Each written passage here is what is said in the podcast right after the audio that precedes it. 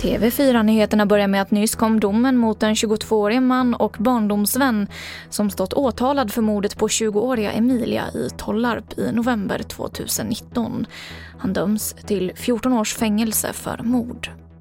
Rätten har gått på åklagarens eh, åberopande att, att det skulle dömas till livstid och då eh, eh, menar hon på 18 år. Men eftersom han var under 21 år så har han ju då fått ungdomsrabatt. Så nu blir det 14 år. Så det är det hårdaste straffet då. Alltså livstidsfängelse för, eh, för den här eh, mannen. Och reporter här var Maria Strångert. Så till Trelleborg där ett misstänkt mordförsök skett på en grundskola idag. Det ska röra sig om ett bråk mellan elever och en person har fått skär eller stickskador och har fått föras till sjukhus. Brottsplatsen är avspärrad i väntan på en teknisk undersökning. Och klyftan mellan rika och fattiga har ökat i nästan alla länder under pandemin. Och det är kvinnor som drabbats hårdast enligt en rapport från biståndsorganisationen Oxfam.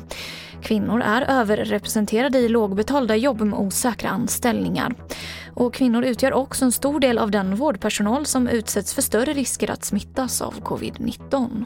Och det var det senaste från TV4 Nyheterna. Jag heter Emily Olsson.